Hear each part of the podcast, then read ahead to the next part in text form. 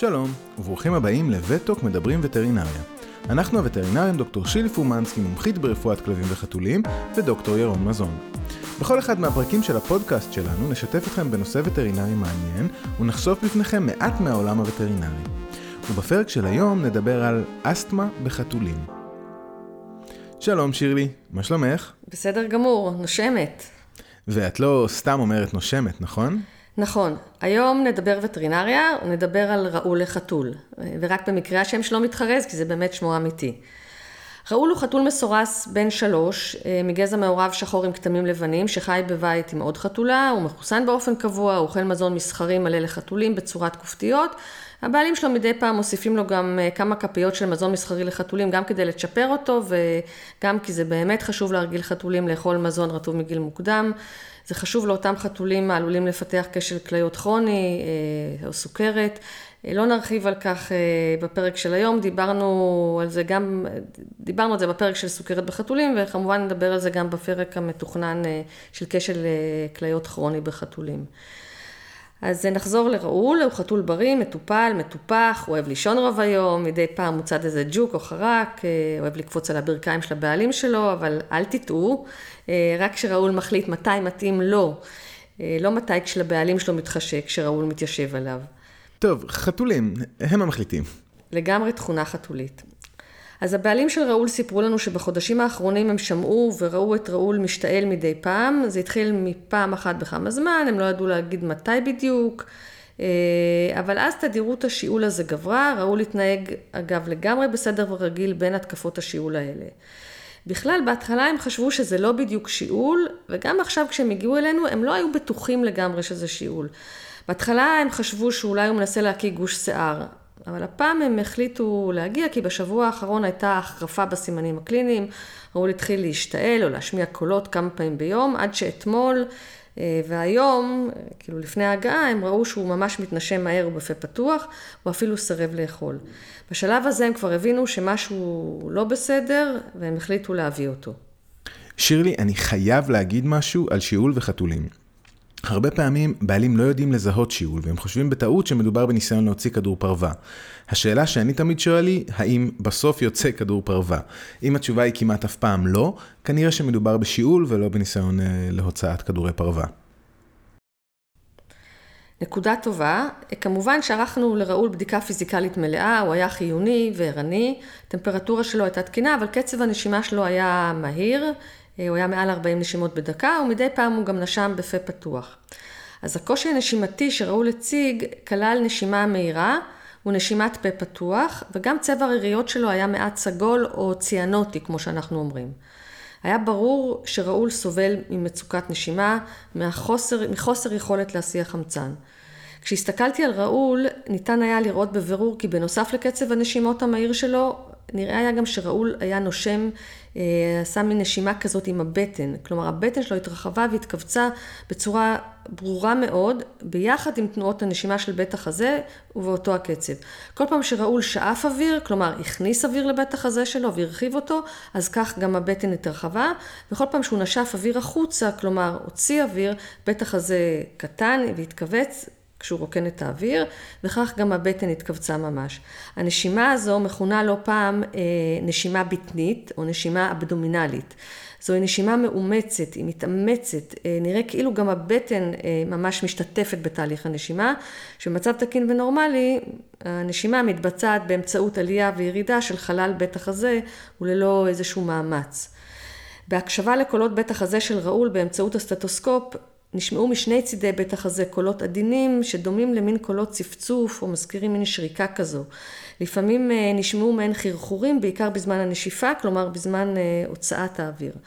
אה, שאר ממצאי הבדיקה הפיזיקלית של ראול היו תקינים, מה שאנחנו מכנים בתחום הנורמה. ערכנו לראול אולטרסאונד קצר ומהיר לבית החזה בזמן שהוא במצב רביצה כדי לא להכניס אותו לסטרס מיותר בזמן מצוקה נשימתית. אה, רק כדי בעצם להעריך האם יש נוזל חופשי או אוויר חופשי בחלל בית החזה, שבעצם גורם לראול לנשום בצורה הזו. במידה ויש נוזל חופשי או אוויר חופשי, צריך לשאוב אותה מיד, ועצם השאיבה מקלה מאוד ומביאה לשיפור ניכר ומהיר של הסימנים הקליניים של מצוקה נשימתית. במקרים חמורים של הצטברות של אוויר או נוזל חופשי זוהי גם ממש פרוצדורה מצילת חיים. אז האולטרסאונד המהיר הזה נקרא גם T-Fast, וכשעשינו אותו לא זיהינו נוזל או אוויר חופשיים בבית החזה. בגלל המצוקה הנשימתית של ראול, הכנסנו אותו מיד לכלוב אה, חמצן, על מנת לספק לו חמצן, ונתנו לו זריקת הרגעה על מנת לנסות להרגיע את קצב הנשימות, שהוא לכשעצמו מייצר מצוקה חמצנית ומאמץ שרירי רב על שרירי הבטן, שרירי השרפת, אפילו על השרירים הבין-צליים, אותם השר... השרירים שבין הצלעות. במצוקה נשימתית, כשקצב הנשימה עולה כדי לנסות להשיג עוד חמצן שהרקמות כל כך זקוקות לו, נעשה מאמץ, מאמץ שרירים רב, ממש אה, שמין מהווה מעגל קסמים אה, ליצירת דרישה נוספת לחמצן לצורך הפעולה של השרירים עצמם, מה שמכניס עוד יותר את החתול לסטרס או להקה, ועצם ההרגעה לכשעצמה מקלה מאוד על הנשימה. אז רק לאחר 30 דקות שבהן שהה ראול בכלוב החמצן ונרגע, הוצאנו אותו שוב בזהירות ובעדינות מהכלוב כדי לא לגרום לו שוב לסטרס, בעיקר במצב בו הרזרבות הנשימתיות או אותן עתודות החמצן שלו אינן גבוהות, ושאנחנו עדיין לא יודעים בדיוק מה הסיבה לכך, והתחלנו לערוך לו בדיקות נוספות. אז ערכנו לראול אה, צילומי רנטגן של בית החזה, השתדלנו לעשות זאת בכמה שפחות סטרס עבורו, לקחנו לו בדיקות דם, גם, אה, ולשמחתנו, לקיחת הדם הייתה קלה ומהירה, כך שבאמת כל התהליך לא הצריך שהייה רבה או שהייה ממושכת מחוץ לכלוב החמצן, והחזרנו אותו לכלוב החמצן בהשגחה כמובן. למעט אה, איוזינופיליה המתונה ביותר, בדיקות הדם של ראול היו תקינות לחלוטין. איוזינופיליה הוא מצב בו יש עלייה מעל הנורמה של מספר התאים האיזונופילים. האיזונופילים הם סוג של אוכלוסיית תאי דם לבנים, שיש להם חשיבות רבה בתגובה של מערכת החיסון, בעיקר על רקע של מחלות בעלות רקע אלרגי, או בתגובה להימצאות של פרזיטים, טפילים, פטריות. יש עוד סיבות, אבל נתרכז באלה עכשיו. לעומת בדיקת הדם שברובה הייתה תקינה, צילומי בית החזה של ראול לא היו תקינים ונצפו בהם מספר ממצאים. הראשון מביניהם הוא שנראה היה דפוס ברונכיאלי בבית החזה. הרבה פעמים אנחנו נשאלים, מה זה אומר דפוס ברונכיאלי? אז דפוס ברונכיאלי הוא אחד מהדפוסים בפענוח של צילומי בית חזה. בדפוס ברונכיאלי יש הדגשה של הברונכים או הסימפונות, אותם דרכי האוויר. והסיבה לכך שדרכי האוויר אה, מודגשות או בולטות יותר מהרגיל, הוא סימן לכך אה, שהן מעורבות, דרכי האוויר, בתהליך המחלה או הסיבה לסימנים הקליניים. בצילום הרנטגן של ראול נראה באופן מובהק עיבוי של הסימפונות והדגשה של הדופן שלהם, ואנחנו מכנים את הדפוס הברונכיאלי הזה בחתך רוחב של הסימפונות בשם דונאץ, כי הם באמת נראים כמו דונאץ. דמיינו לרגע דונאץ, עיגול עם חור בתוכו. אז זה מה שאנחנו בעצם רואים בצילום בית חזה כשאנחנו רואים דפוס ברונכיאלי. הרבה הרבה עיגולים קטנים כאלה, שהחור של הדונאץ, אותו המרכז הוא שחור, וההיקף מסביב לחור השחור הזה, אה, המרכזי, נראה לבן. זאת אומרת, השחור במרכז הוא למעשה האוויר שבחלל הסימפונות, שהוא נראה שחור ברנטגן, והדופן של הסימפונות היא לבנה ואפילו מעובה כתוצאה מגירוי או דלקת כרונית. מה עוד ראינו בצילום הרנטגן של ראול, חוץ מהדונלדס האלה, שעכשיו אתם יודעים מה זה דפוס ברונכיאלי, שאותם הסימפונות המעובים. הריאות של ראול הגיעו למצב של ניפוח יתר. הריאות היו מנופחות יתר על המידה וגם היו שחורות יותר מכרגיל כתוצאה מקליעת אוויר בהן, אה, והם דחקו את השרעפת וגרמו להשטחה של השרעפת. אי אפשר היה גם לפספס את הקיבה שנמצאת בחלק האחורי של כלוב הצלעות. הקיבה של ראול הייתה מוגדלת ומלאה באוויר, מצב שאנחנו מכנים בשם אירופגיה, בליעת אוויר, שהוא תוצאה של הנשימה המהירה אה, בפה פתוח. אז גם הקיבה נראתה שחורה בגלל שהייתה עם אוויר. חשוב להסביר למאזינים כי בצילומי רנטגן אוויר נראה שחור. איברים המכילים אוויר כמו הריאות, חלל הסימפונות, ייראו שחורים. גם גז במעיים או אוויר בקיבה אה, ייראה שחור. זאת אומרת, נראית הקיבה עם תכולה שחורה. טוב, שירלי, נראה לי שיש לנו הבחנה. נכון, ותודה על ההסבר למאזינים. אה, יש קורלציה גבוהה בין הממצאים הרנטגניים לאבחון הבעיה ממנה סבל ראול, ובכלל, הרחיב עוד יותר ואמר שיש קורלציה גבוהה בין סך הממצאים או התמונה הכוללת שהרכבנו. אה, על סמך הסינגלמן של החתול, צעיר, בריא בדרך כלל, אה, ההיסטוריה של התפתחות הסימנים הקליניים על פני חודשים, כשביניהם, בין האפיזודות האלה של הסימנים הקליניים, ראול הרגיש ממש טוב, ההחרפה בשבוע האחרון, או אפילו ביומיים האחרונים, אה, תוצאות בדיקות הדם וצילומי בית החזה, כל אלה הביאו אותנו להבחנה כי ראול סובל מאסתמה של חתולים, או בשמה הפחות ידוע אולי, אבל המדייק יותר את האטיולוגיה שלה, ברונכיטיס אלרגי של חתולים. ואת זה אנחנו רואים היטב בצילומי הרנטגן עם אותו דפוס ברונכיאלי. אז מה זו אסתמה של חתולים? אסתמה היא מחלה דלקתית של מערכת הנשימה התחתונה של דרכי האוויר, אותן הסימפונות, שמקורה בתגובה אלרגית או ריגוש יתר של מערכת החיסון, שבסופו של דבר גורמת להיצרות של הסימפונות, וכתוצאה מכך לקושי בהולכת אוויר. כתוצאה מהתגובה הדלקתית הזו, מהריגוש הזה, מערכת החיסון משחררת לחלל הסימפונות הרבה מאוד מדיאטורים דלקתיים, שהם לכשעצמם מגבירים ומעצימים את התגובה האלרגית, וכתוצאה מכך גורמים להקטנה של חלל הסימפונות ולגודש. במקביל, גם השרירים העוטפים את הסימפונות מתכווצים, והתוצאה הסופית היא הצרה של החלל הפנימי של דרכי הנשימה הסימפונות. דרכי הנשימה המוצרים יוצרים קושי במעבר האוויר בדרכי הנשימה, בעיקר במהלך הנשיפה. שירלי, לא ניכנס לזה לעומק, אבל יש מספר סוגים או קטגוריות של תגובות אלרגיות או ריגוש יתר, hypersensitivity. אולי בכמה משפטים קצרים תסבירי מהי אותה תגובת ריגוש יתר הגורמת לאסתמה בחתולים? באמת לא התכוונתי להיכנס לזה יותר מדי, אבל זו בהחלט נקודה חשובה להבנה של המחלה. יש מספר תגובות אלרגיות או ריגוש יתר, מה שמכונה hypersensitivity. ואותה היפרסנסיטיביטי, ריגוש היתר המשוייך לאסתמה בחתולים, בדומה לזו שבאנשים אגב, מיוחס לתגובה של מערכת החיסון המרוגשת, יתר על המידה ובאופן לא רצוי, לעתים אף מסכן חיים, מסוג אחד. אז תגובת רגישות יתר מסוג אחד היא אותה התגובה המיידית שאנחנו מכירים אה, כתגובה לאסתמה.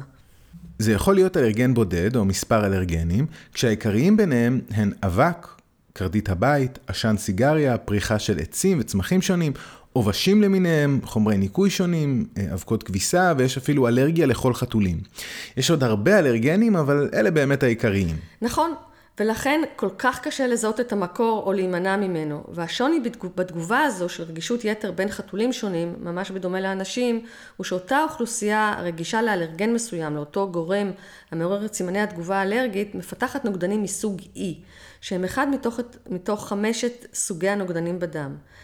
לעומת אוכלוסייה אלרגית, אוכלוסייה שאינה רגישה לאותו אלרגן, עבורם הוא לא מהווה אלרגן, אז אותה אוכלוסייה מפתחת נוגדנים לא מסוג E, אלא מסוג G, בחשיפה לאותו החומר, אה, או לאותו אלרגן עבור אה, מי שאלרגי אליו. אז מה ההבדל ביניהם? לנוגדנים מסוג E יש יכולת להיקשר לרצפטורים, לקולטנים ספציפיים, רק להם, על גבי תאים רבים של מערכת החיסון, ביניהם תאים שנקראים תאי מאסט או תאים איוזינופילים, בדיוק כמו שהיו לראול, שמצאנו אותם בבדיקת הדם, הם יכולים לרגש אותם ולגרום להם להפריש חומרים או מדיאטורים האגורים אצלם כדוגמת היסטמין, המעורבים באותה תגובה אלרגית. יש המון מדיאטורים המעורבים בתגובה האלרגית, והם בדיוק אלה הגורמים לאותם הסימנים הקליניים של אלרגיה שכולנו מכירים אותם. מעניין רק עוד לציין שהנוגדנים האלה מסוג E המקושרים לאותה תגובה אלרגית התגלו רק בשנת 1966 והם נמצאים רק ביונקים. זה באמת די מדהים. מה שעוד מדהים הוא שלמרות שהריכוז של אוכלוסיית הנוגדנים מסוג E בסרום הוא נמוך בסדרי גודל מזה של אוכלוסיית הנוגדנים מסוג G, הרי שהיכולת שלהם לשפעל, לעורר, להשרות ולגרום לריגוש יתר של מערכת החיסון הוא מהיר וסוער. ממש מעוררים סערה של מערכת החיסון. זו באמת יכולת מרשימה ביותר, ממש סערה כמו שאמרת, שעלולה להיות מסכנת חיים במקרים רבים. וכל התיאור או ההסבר הזה של הסערה הוא זה שגורם לדלקת בדרכי האוויר, להימצאות של תאים לבנים מסוג איוזינפילים ברמה גבוהה, גורם להפרשות, להצרה של הסימפונות, לספזם, לקיבוץ הזה של השרירים החלקים בדופן הסימפונות, וממש עד לשינויים מבניים של אותם דרכי האוויר, אה, הסימפונות, כאשר ממש יש השקעה של סידן בדפנות שלהם במצבים כרוניים.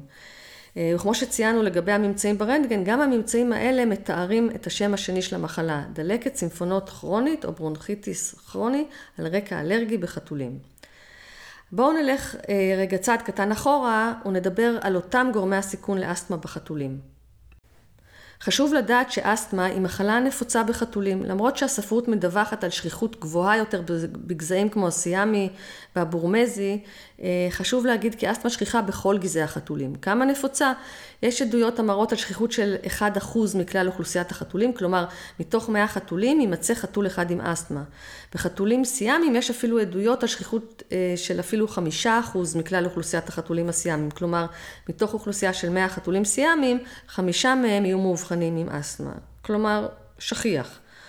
אסתמה יכולה להופיע בכל גיל, צעיר או מבוגר, ומופיעה בשכיחות דומה בזכרים ובנקבות.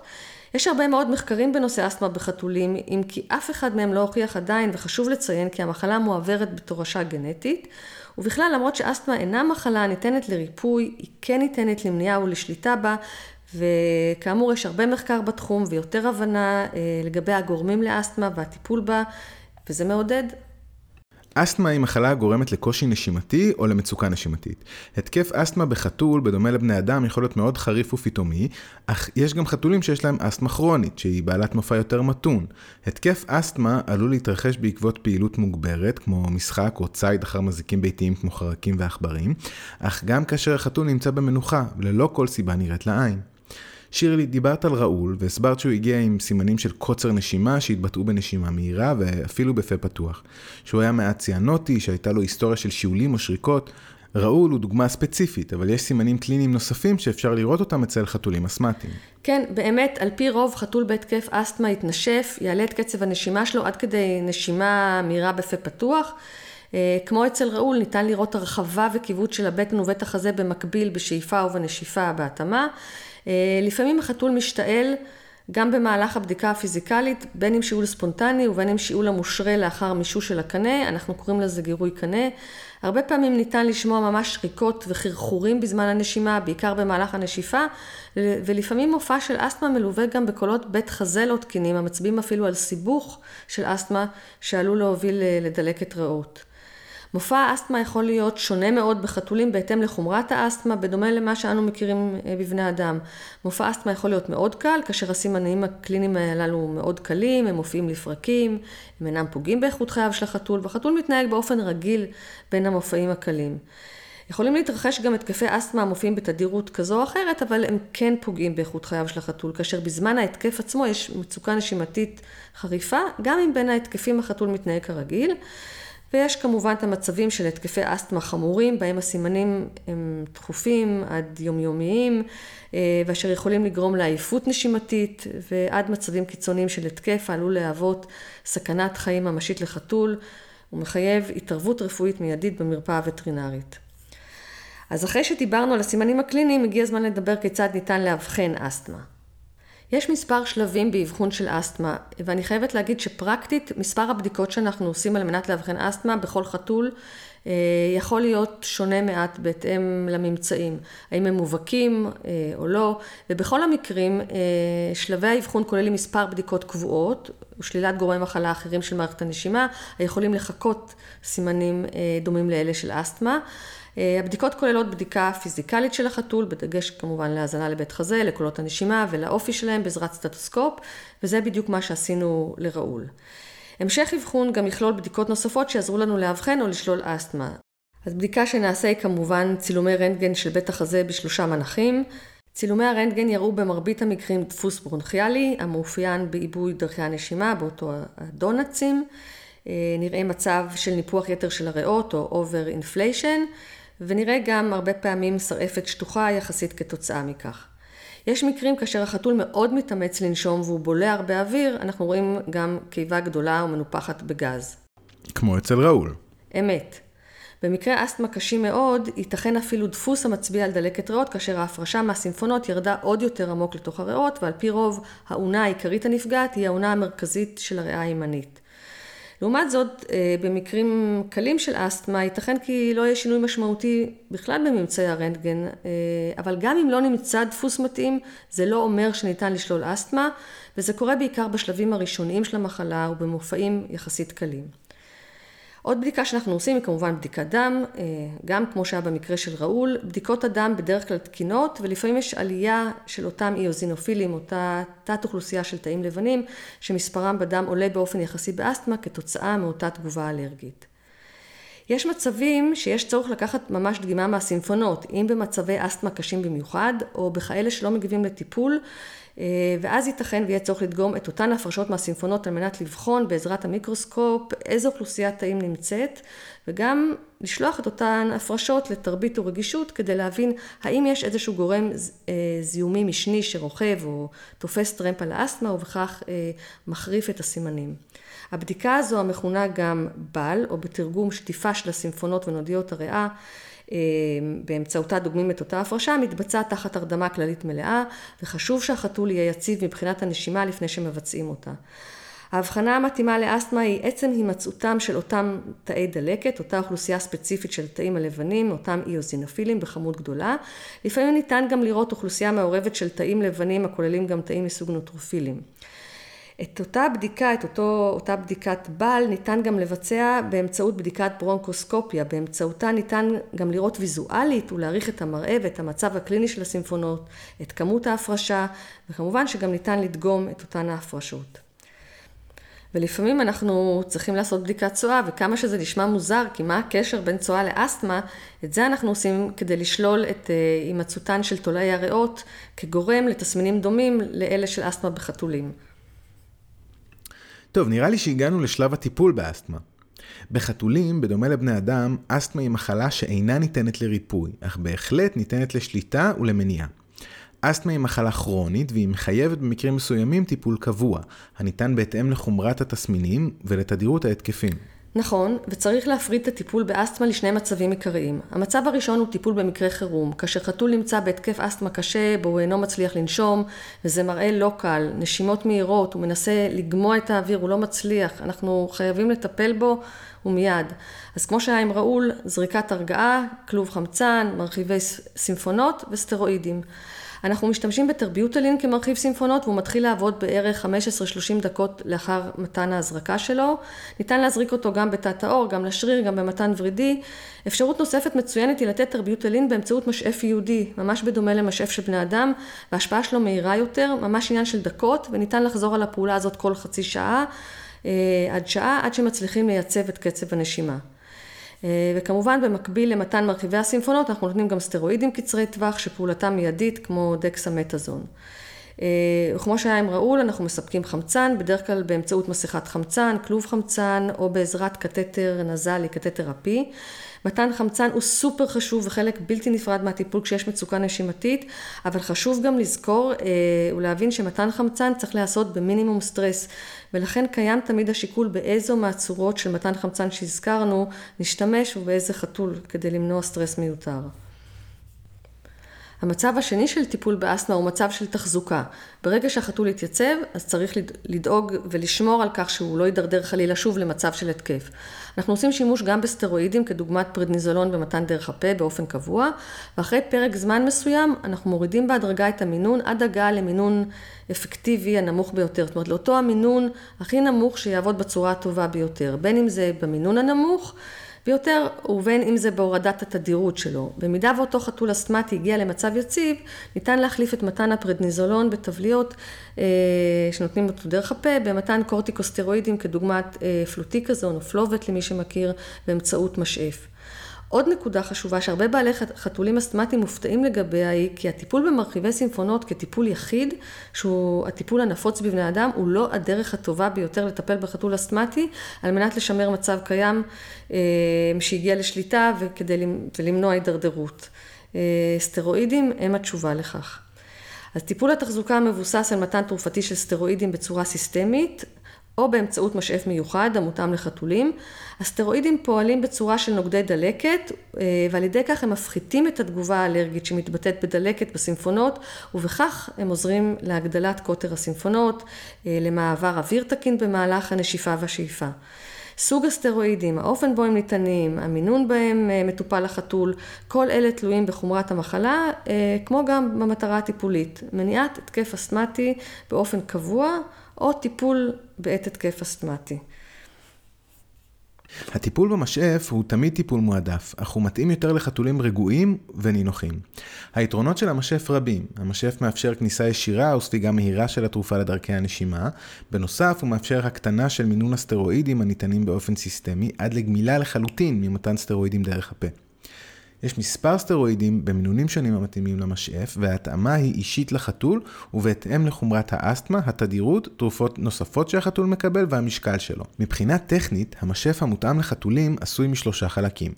המיכל, בו נמצאת התמיסה של החומר הפעיל עם אמצעי הלחיצה, התא, אליו מועברת התרופה לאחר הלחיצה ובו היא נשמרת אחרי הלחיצה, והחלק של המסכה שמוצמדת ומכסה את הפה והאף של החתול. כשמסכת המשאף מוצמדת בעדינות לפנים של החתול כך שהיא מכסה הפה ואת האף שלו, החתול נושם מספר נשימות מהמשאף.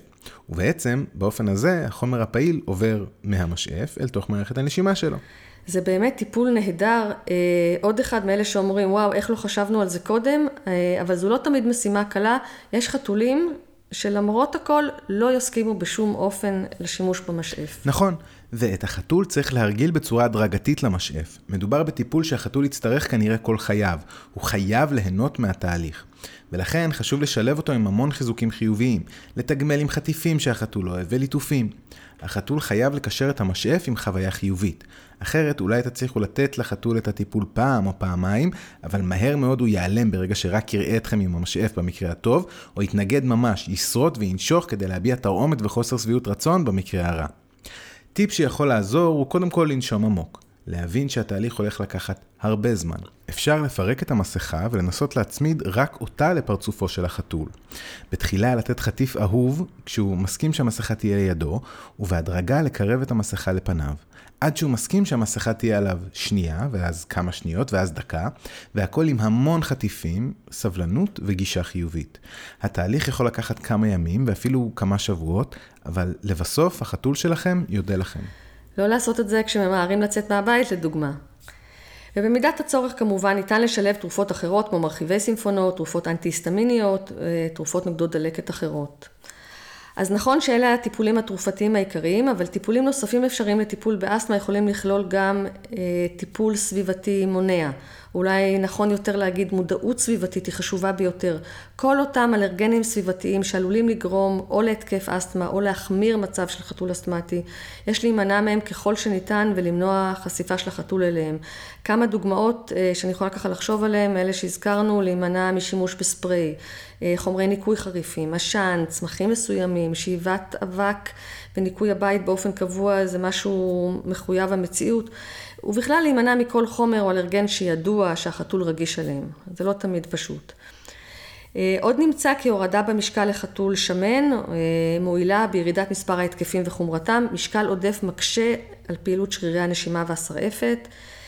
מתן חמצן באמצעות כלוב אה, חמצן או צינורית בעת התקף אה, אסתמה חריף אה, מחייב כמובן הגעה וטיפול ראשוני במרפאה הווטרינרית, אבל הוא חלק מהטיפול שאנחנו נותנים ומאפשרים, ואמרנו גם קודם שהוא אחד הטיפולים החשובים ביותר.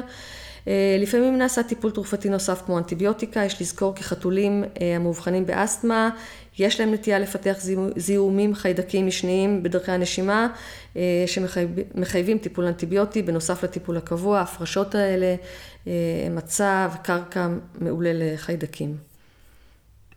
למרות שחלק מהחתולים האסתמטיים זקוקים לטיפול קבוע במינון כזה או אחר או בתדירות כזו או אחרת, חתולים אסתמטיים באמת יכולים ליהנות מאיכות חיים מצוינת. ובכל מקרה, גם אם יש איזושהי החמרה בסימנים הקליניים אצל חתול שהוא במצב יציב אה, ולא נראה שזה מסכן אה, חיים, חשוב להגיע עם אותו החתול למרפאה הווטרינרית כדי לשלוט בסימנים הקליניים האלה, שחלילה לא יחמירו עוד יותר ויביאו את החתול להתקף אסתמה שהוא באמת מסכן חיים. אה, אני נוהגת לתת להרבה מאוד בעלים של חתולים אסתמטיים מזרק עם מרחיב סימפונות, כדי שחלילה בזמן התקף חריף הם יכולים לתת זריקה תת-הורית כדי להקל ולעזור לחתול שלהם באופן מיידי עד שהם מגיעים אה, למרפאה הווטרינרית. שירלי, תודה.